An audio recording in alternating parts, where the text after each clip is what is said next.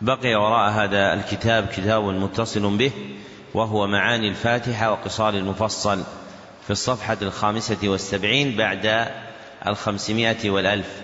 في الصفحة الخامسة والسبعين بعد الخمسمائة والألف. وهو منسوج على صورة يهون بها حفظ معاني الفاتحة وقصار المفصل. فنقرأ مقدمته وتلك المعاني في السور. دون حاجة إلى قراءة الآيات لأنها تقدمت في أصله. نعم.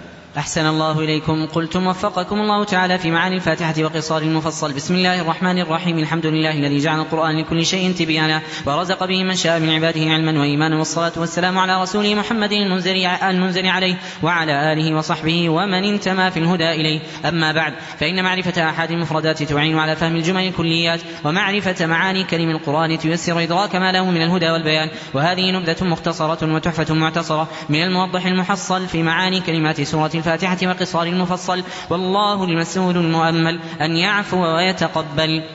معاني سورة الفاتحة. قوله الله علم على ربنا عز وجل ومعناه المألوه المستحق لإفراده بالعبادة. قوله الرحمن الرحيم اسمان من أسمائه تعالى دالان على رحمته. قوله الحمد هو الإخبار عن محاسن المحمود مع حبه وتعظيمه. قوله رب الرب في كلام العرب المالك والسيد والمصلح للشيء. قوله العالمين جمع عالم وهو اسم للأفراد المتجانسة من المخلوقات فكل جنس منها يطلق عليه عالم. فيقال عالم الإنس وعالم الجن وعالم الملائكة. قوله يوم الدين يوم الحساب والجزاء على الأعمال. قوله إياك نعبد نخصك وحدك بالعبادة. قوله وإياك نستعين أي نستعين بك وحدك في جميع أمورنا. قوله اهدنا أي دلنا وأرشدنا. قوله الصراط المستقيم الإسلام. قوله صراط الذين أنعمت عليهم المتبعين للإسلام الذي جاء به النبي صلى الله عليه وسلم. قوله المغضوب عليهم الذين عرفوا الحق ولم يعملوا به وهم اليهود. قوله الضالين الذين تركوا الحق عن جهل فلم يهتدوا. وضلوا الطريق وهم النصارى. معاني سورة الضحى. قوله والضحى اسم ضوء الشمس إذا أشرق وارتفع والمراد به هنا النهار كله. قوله سجى سكن بالخلق وثبت ظلامه. قوله ما ودعك أي ما تركك. قوله وما قال أي وما أبغضك. قوله وللآخرة خير لك من الأولى وللدار الآخرة خير لك من دار الدنيا. قوله فآوى فضمك إلى من يكفلك وجعل لك مأوى تأوي إليه. قوله ضالا لا تدري ما الكتاب ولا الإيمان. قوله فهدى فدلك وأرشدك. قوله عائلا أي فقيرا. قوله فلا تقهر فلا تغلبه مسيئا معاملته قوله فلا تنهر فلا تزجر معاني سورة الشرح. قوله ووضعنا وحططنا قوله وزرك أي ذنبك. قوله أنقض أثقل قوله العسر أي الشدة. قوله يسرى سهولة. قوله فإذا فرغت فانصب. فإذا فرغت من عمل بإتمامه فأقبل على عمل آخر. معاني سورة التين. قوله وطور سينين طور الجبل وسينين لغة في سيناء. نعم. أحسن الله إليكم. قلتم وفقكم الله تعالى معاني سورة التين. قوله وطور سينين الطور الجبل وسينين لغة في سيناء وهي صحراء بين مصر وبلاد فلسطين. قوله البلد الأمين مكة المكرمة لأمن الناس فيها. قوله أسفل سافلين في نار جهنم. قوله غير ممنون غير مشوب بكدر المن ولا يلحقه الانقطاع قوله بالدين أي بالحساب والجزاء على الأعمال. معاني سورة العلق. قوله علق جمع علقة وهي القطعة من الدم الغليظ. قوله بالقلم بالخط والكتابة. قوله لنسفع السفع القبض الشديد بجذب. قوله بالناصية بمقدم شعره. قوله الزبانية هم ملائكة العذاب سموا زبانية لأنهم يزبنون أهل النار أي يدفعونهم بشدة. معاني سورة القدر.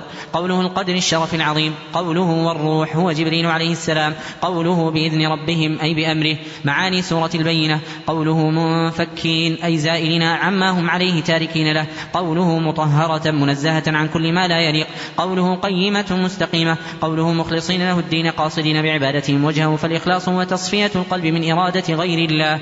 قوله حنفاء مقبلين على الله مائلين عما سواه. قوله دين قيمة دين الكتب المستقيمة وهو الإسلام. قوله البرية الخليقة. قوله جنات عدن جنات إقامة لا يتحولون عنها. معاني سورة الزلزلة. قوله إذا زلزلت الأرض زلزالها رجت رجا شديدا. قوله أثقالها ما تثقل به مما في بطنها. قوله يومئذ يصدر الناس يقبلون إلى الموقف والحساب. قوله أشتاتا أصنافا متفرقين. قوله ذرة هي النملة الصغيرة. معاني سورة العاديات. قوله والعاديات ضبحا. أي العاديات عدوا بليغا قويا يصدر عنه الضبح وهو صوت نفسها في جوفها عند اشتداد عدوها. قوله فالموريات قدحا. فالموقدات بحوافرهن ما يطأن عليه من الأحجار فتقدح النار ويتوقع يتوقد شررها من ضرب حوافرهن إذا أعدون والمراد بها الخيل.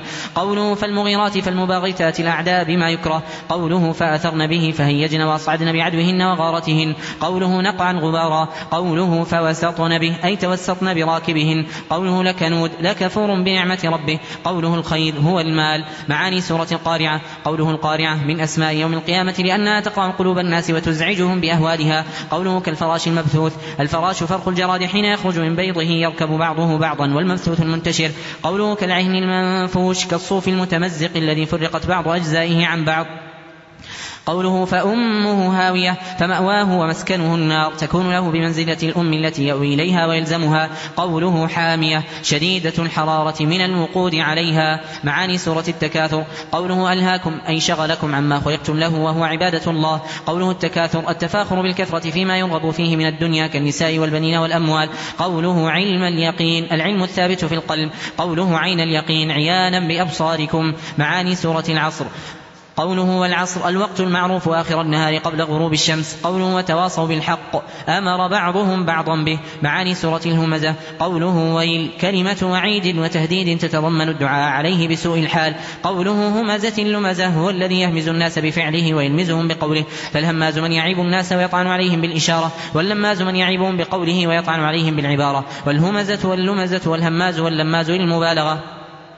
قوله لينبذن ليطرحن. قوله الحطمة كثيرة الحطم والهشم لما يلقى فيها. قوله الموقدة المسعرة المشعلة بالناس والحجارة. قوله تطلع على الأفئدة تنفذ من الأجساد إلى القلوب فتحرقها. وآلم حرق القلوب أشد من ألم غيرها لنطفها قوله عليهم مؤصدة مغلقة عليهم. قوله في عمد ممددة في أعمدة طويلة. معاني سورة الفيل قوله تضليل أي تضيع. قوله أبابيل جماعات متتابعة متفرقة. قوله قوله سجيل طين متحجر قوله فجعلهم كعصف مأكول محطبين كبقايا الزرع الذي دخلته البهائم فأكلته وداسته بأرجلها وطرحته على الأرض بعد أن كان أخضر يانعا. معاني سورة قريش قوله لإيلاف قريش ما لزموه واعتادوه مع الأنس به قوله إيلافهم رحلة الشتاء والصيف لزومهم واعتيادهم رحلة الشتاء إلى اليمن والصيف إلى الشام. معاني سورة الماعون. قوله بالدين بالحساب والجزاء على الأعمال. قوله يدع يدفع بعنف وشدة. قوله يحض يحث. قوله ساهون. لاهون فلا يؤدونها في وقتها ولا يقيمونها على وجهها. قوله يراءون يظهرون أعمالهم الصالحة ليراها الناس فيحمدوهم عليها. قوله الماعون. الماعونة بما ينفع ولا يمنع عادة كالزكاة وما لا تضر إعارته مما يستعان به على عمل البيت من آنية وآلة ومنها القدر والدلو وما جرت العادة ببذله. معاني سورة الكوثر. قوله الكوثر هو نهر في الجنة. قوله شانئك مبغضك. قوله الأبتر المقطوع من كل خير. معاني سورة الكافرون قوله لا أعبد ما تعبدون. لا أعبد ما تعبدون من الآلهة بالمستقبل كما أني لا أعبدها الآن. قوله ولا أنا عابد ما عبدتم. قاله للدلالة على الثبات في براءته من آلهتهم وتأييسهم من عبادته إياها. قوله لكم دينكم. الذي رضيتموه وهو الشرك. قوله ولي دين. الذي رضيه لي ربي فرضيت به وهو الإسلام. معاني سورة النصر. قوله والفتح فتح مكة.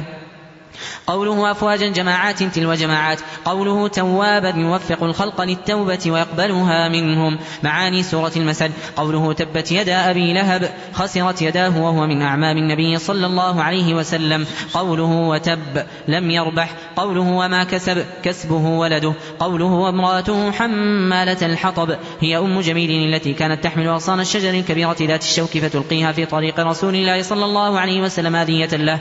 قوله في جيدها حبل من مسد في عنقها حبل من مسد وهو الليف الشديد الخشونة إذا فتل وجدل كضفائر الشعر. معاني سورة الإخلاص. قوله الصمد السيد الكامل المقصود في قضاء الحوائج.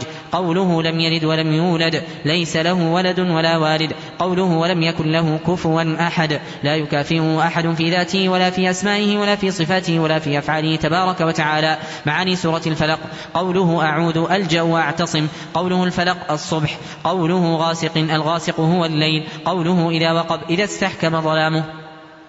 قوله النفاثات في العقد. الأنفس السواحر من الرجال والنساء اللواتي يستعن على سحرهن بالنفخ مع ريق لطيفة في العقد المشدودة عليه. معاني سورة الناس. قوله أعوذ ألجأ وأعتصم. قوله برب الناس بسيدهم المالك المصلح لهم. قوله إله الناس معبودهم بحق.